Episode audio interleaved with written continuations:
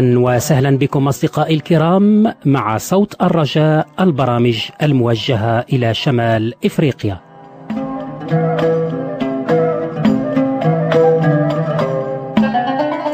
معكم وراء الميكروفون صديقكم كريم صلاح وأذكركم بأننا نقدم عنوان محطتنا خلال بث هذا البرنامج الذي سيدوم ربع ساعة تقريبا.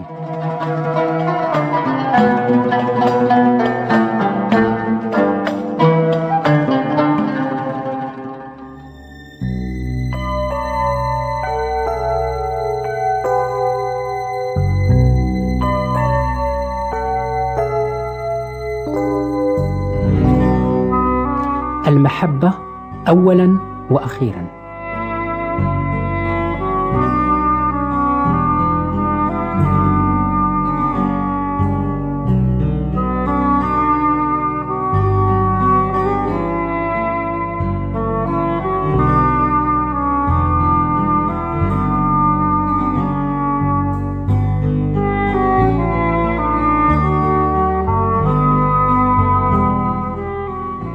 أحبائي المستمعين لا شك أن أعظم صفة يمكن أن يتصف بها أي إنسان مهما كان مركزه وكانت درجة ثقافته هي المحبة.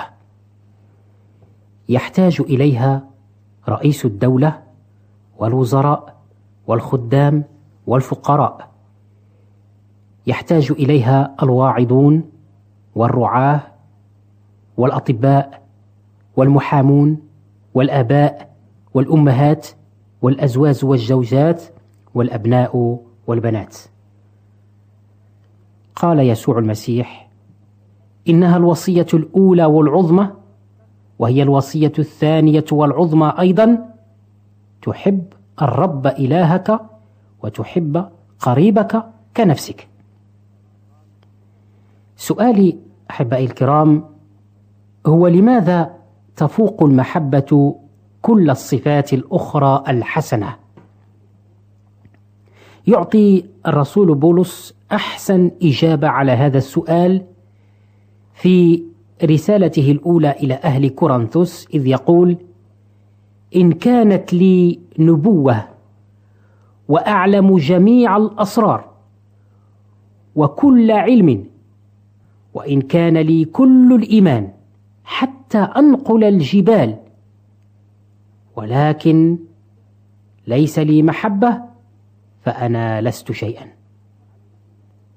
ثم يعدد ما تفعله المحبة إذ يقول أنها تتأنى لا تحسد لا تتفاخر لا تنتفخ لا تطلب ما لنفسها لا تحتد لا تظن السوء. لا تفرح بالإثم بل تفرح بالحق. تحتمل كل شيء تصدق كل شيء ترجو كل شيء تصبر على كل شيء. ويختمها بالعبارة المحبة لا تسقط أبدا.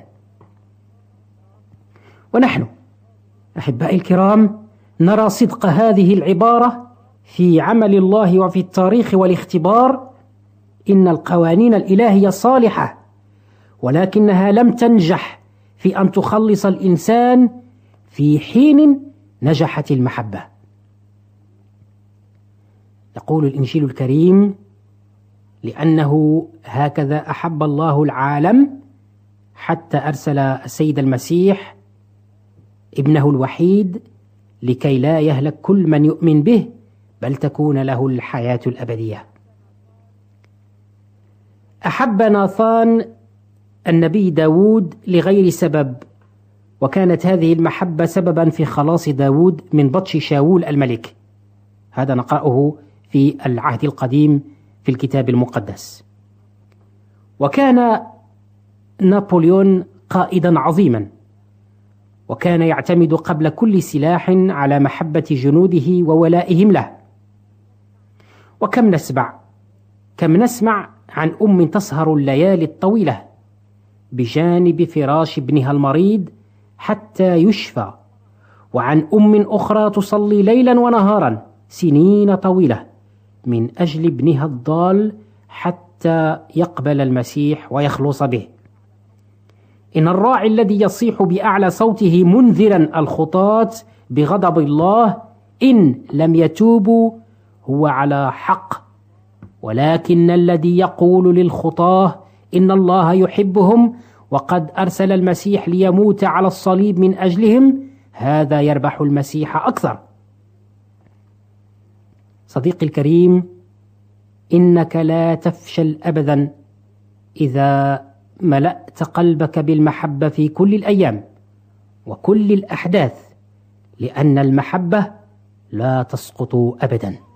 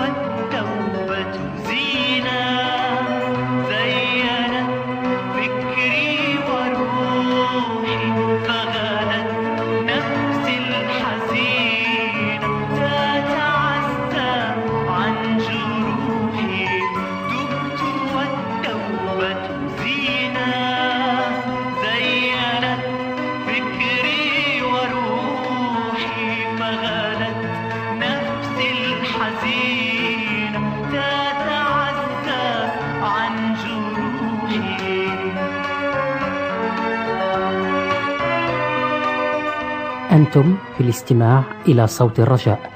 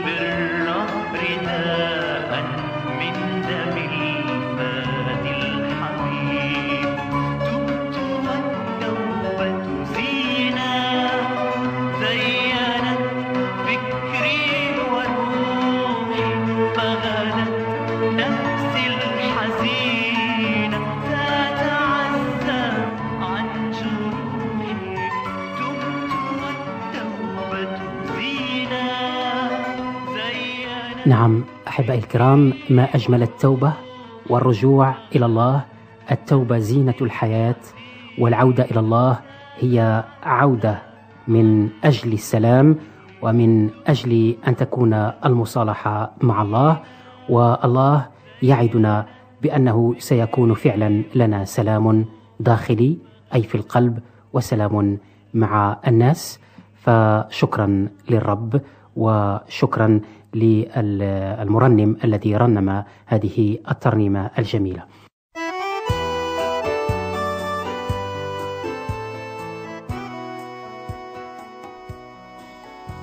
مستمعين الأفاضل سلام الله عليكم. يسعدنا أن نلتقي معا في لقاء روحي جديد من برنامجكم دراسات كتابية. ومع أحداث الإصحاح التاسع من الإنجيل بحسب مرقس وحلقة اليوم بعنوان جبل التجلي. كان السيد المسيح قد وعد بعضا من تلاميذه بأنهم سيرون مجده بقوة وهو له المجد الصادق الأمين يحقق دائما جميع وعوده حسب توقيت السماء ولخير أتقيائه في كل زمان ومكان. أتمنى لكم مع اختبار التجلي هذا كل الخير والبركة واهلا بكم ومرحبا. نبدأ اللقاء بقراءة الآيات 38 من الإصحاح الثامن وآيات من واحد إلى تسعة من الإصحاح التاسع من إنجيل مرقس. لأن من استحى بي وبكلامي في هذا الجيل الفاسق الخاطئ فإن ابن الإنسان يستحي به متى جاء بمجد أبيه مع الملائكة القديسين. وقال لهم الحق أقول لكم إن من القيام ها هنا قوما لا يذوقون الموت حتى يروا ملكوت الله قد أتى بقوة وبعد ستة أيام أخذ يسوع بطرس ويعقوب ويوحنا وصعد بهم إلى جبل عال منفردين وحدهم وتغيرت هيئته قدامهم وصارت ثيابه تلمع بيضاء جدا كالثلج لا يقدر قصار على الأرض أن يبيض مثلك. وظهر لهم إيليا مع موسى وكان يتكلمان مع يسوع فجعل بطرس يقول ليسوع يا سيدي جيد أن نكون ها هنا فلنصنع ثلاث مظال لك واحدة ولموسى واحدة ولإيليا واحدة لأنه لم يكن يعلم ما يتكلم به إذ كانوا مرتعبين وكانت سحابة تضللهم فجاء صوت من السحابة قائلا هذا هو ابن الحبيب. له اسمعوا. فنظروا حولهم بغتة ولم يروا أحدا غير يسوع وحده معهم. وفيما هم نازلون من الجبل أوصاهم ألا يحدثوا أحدا بما أبصروا إلا متى قام ابن الإنسان من الأموات. اقترب وقت المساء عندما دعا يسوع إليه ثلاثة من تلاميذه هم بطرس ويعقوب ويوحنا وسار في طليعتهم عبر الحقول ثم جعلوا يصعدون في طريق وعر على جانب جبل منعزل. كان المخلص وتلاميذه قد قضوا اليوم في السفر وفي تعليم الناس وقد زاد صعود الجبل من إرهاقهم. كان السيد المسيح قد أزاح اثقالا عقليه وجسديه عن كواهل كثيرين من المتألمين وبعث الحياة في أجسادهم الذابلة الكليلة وحيث إنه كان هو أيضا محاطا بالضعف البشري فقد أحس هو وتلاميذه بالتعب وهم يصعدون فوق الجبل. لم يجرؤ التلاميذ على أن يسألوا المسيح إلى أين هو ذاهب أو لأي غرض هو سائر في ذلك الطريق لأنه كثيرا ما كان يقضي ليال بكاملها فوق الجبال وها التلاميذ يتبعون المسيح إلى حيث يسير ومع ذلك فهم يتساءلون لماذا يتقدمهم معلمهم في صعود ذلك الجبل الصعب المرتقى وهم متعبون. كما أنه هو أيضا بحاجة إلى الراحة وهنا يخبرهم المسيح الا يتقدموا إلى أبعد من ذلك وإذ ينفصل عنهم قليلا يسكب رجل الأوجاع تضرعاته بدموع وصراخ شديد إنه يصلي في طلب القوة لاحتمال التجربة لأجل البشرية إنه يسكب أشواق قلبه لأجل تلاميذه حتى إذا هجمت عليهم يوما قوات الظلمة لا يفنى إيمانهم. لقد شاركه التلاميذ في الصلاة في بادئ الأمر بكل تكريس وإخلاص ولكن بعد وقت نرى التعب والضنا يستبدان بهم فمع أنهم قد حاولوا أن يولوا ذلك المنظر اهتمامهم فقد غلبهم النوم. كان يسوع قد أنبأهم بآلامه فأخذهم معه ليشاركوه في الصلاة. وحتى الآن هو يصلي من أجلهم. لقد رأى المخلص حسن التلاميذ فطاقت نفسه أن يخفف من هول أحزانهم. بتأكيده لهم أن إيمانهم لم يكن باطلا. لقد سمعت صلاته ففيما كان جاثيا في تواضع وانسحاق على الأرض المحجرة.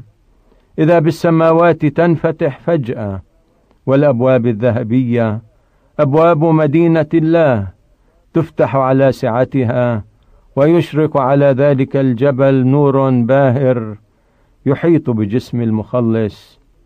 فيشرق نور الألوهية من الداخل على البشرية ويلتقي بالمجد الآتي من فوق. وإذ ينهض عن الأرض يقف بجلاله الإلهي وقد زايله حزنه النفسي وإذا وجهه يضيء كالشمس وثيابه تلمع بيضاء كالنور فلما استيقظ التلاميذ رأوا فيض المجد الذي كان يغمر الجبل وينيره وفي خوف وذهول يشخصون في سيدهم الذي يتألق بالنور. واذ تقوى عيونهم على احتمال ذلك النور العجيب. يكتشفون أن سيدهم ليس وحده إذ كان معه اثنان من السماويين يتحدثان معه وجها لوجه وهما موسى الذي كان قد تحدث مع الله على جبل سيناء وإيليا الذي منح امتيازا عظيما امتيازا لم يتمتع به أحد غيره هو. وشخص آخر فقط من جميع بني آدم ألا يسود عليهما الموت ابدا. إن موسى وهو على جبل التجلي كان شاهدا لنصرة المسيح على الخطية والموت وهو يمثل أولئك الذين سيخرجون من قبورهم في قيامة الأبرار. أما إيليا الذي أصعد إلى السماء بدون أن يرى الموت فيمثل أولئك الذين سيكونون أحياء على الأرض عند مجيء المسيح ثانية والذين يتغيرون في لحظة في طرفة عين عند البوق الأخير عندما هذا المائت يلبس عدم موت وهذا الفاسد عدم فساد. كان يسوع محاطا بنور السماء كما سيظهر عند مجيئه ثانية بلا خطية للخلاص لأنه سيأتي بمجد أبيه مع الملائكة فعلى الجبل كان ملكوت المجد العتيد ممثلا بكيفية مصغرة فالمسيح هو الملك وموسى يمثل القديسين المقامين من قبورهم وإيليا يمثل القديسين الذين ستتغير أجسادهم. إن الرسل لم يكونوا قد أدركوا المنظر على حقيقته وكانوا يعتقدون أن إيليا قد أتى لكي يعلن عن ملك مسيا وأن ملكوت الله على وشك أن يقام على الأرض. فها بطرس يهتف قائلا يا سيدي جيدا أن نكون ها هنا فلنصنع ثلاث مظال لك واحدة ولموسى واحدة ولإيليا واحدة. إن التلاميذ واثقون من أن موسى وإيليا أرسلا لحماية معلمهم وتوطيد سلطانه كملك. ولكن قبل الإكليل ينبغي أن يجيء الصليب.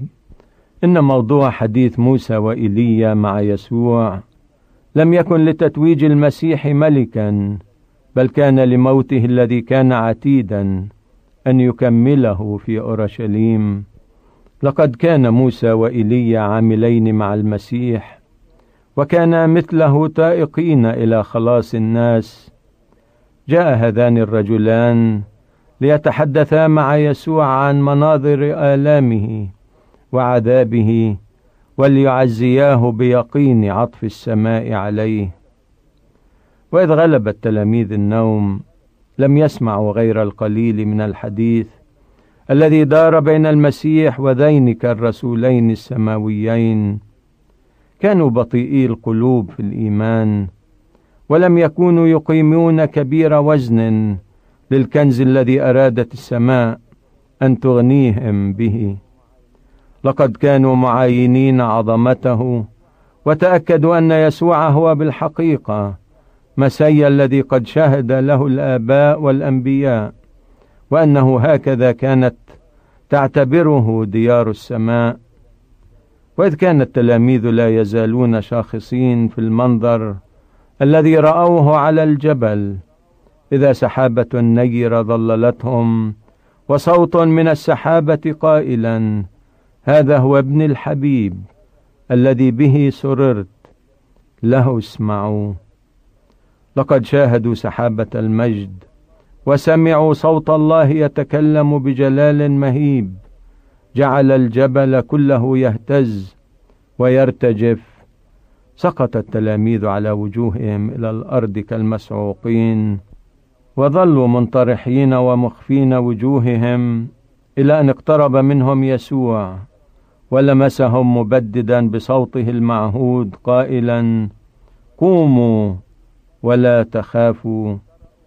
وإذ اجترأوا ورفعوا عيونهم رأوا أن المرسلين السماويين قد انصرفا واختفيا عنهم فصاروا وحدهم على الجبل مع يسوع.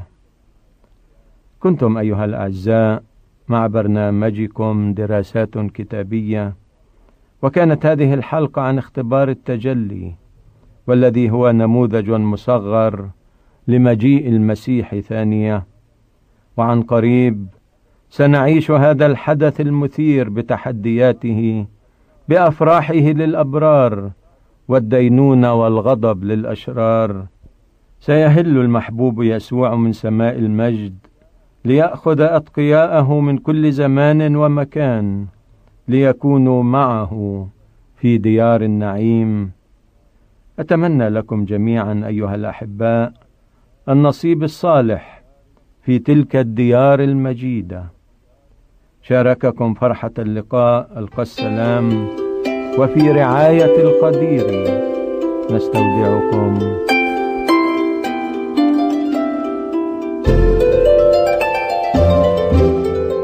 أصدقائي المستمعين إذا أردتم الحصول على مطبوعاتنا أو على المزيد من المعلومات بشأن برامجنا العربية أرجوكم أن تكاتبونني على عنواني بمدينة جنيف بسويسرا وهو كريم صلاح صندوق بريد 503 الرمز البريدي 1211 جنيف رقم 12 سويسرا.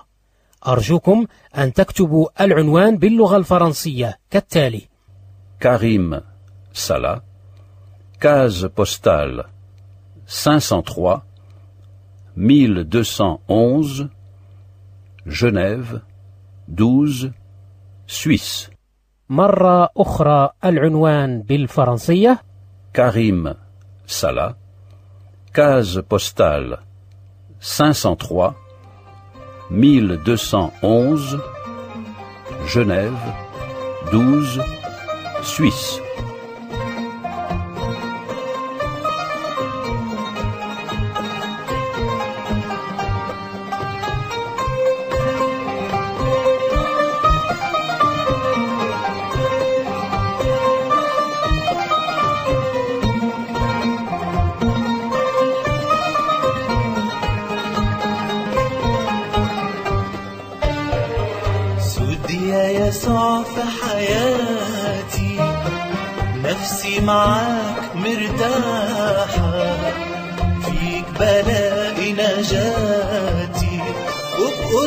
الاقي الراحة سد يا يسوع في حياتي نفسي معاك مرتاحة. فيك بلاقي نجاتي وبقربك الاقي الراحة أنت مالك عمري أنت سيد قلبي انت وحدك ربي وكل حبي ليك. انت مالك عمري انت سيد قلبي. انت وحدك ربي.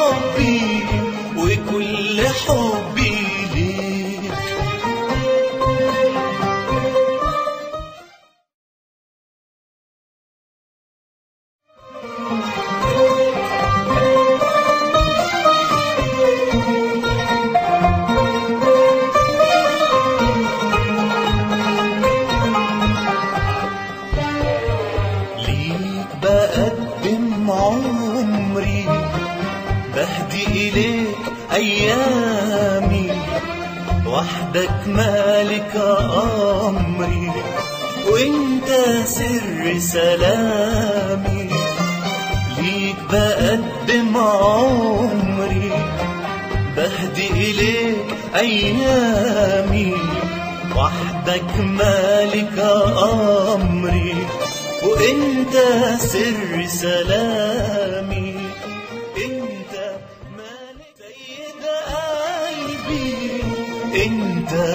وحدك ربي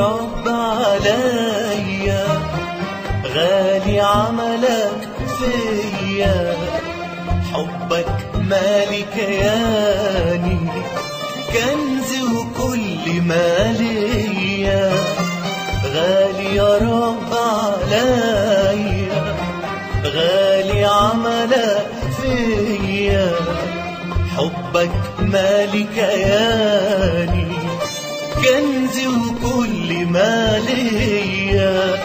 إنت مالك عمري إنت سيد قلبي إنت وحدك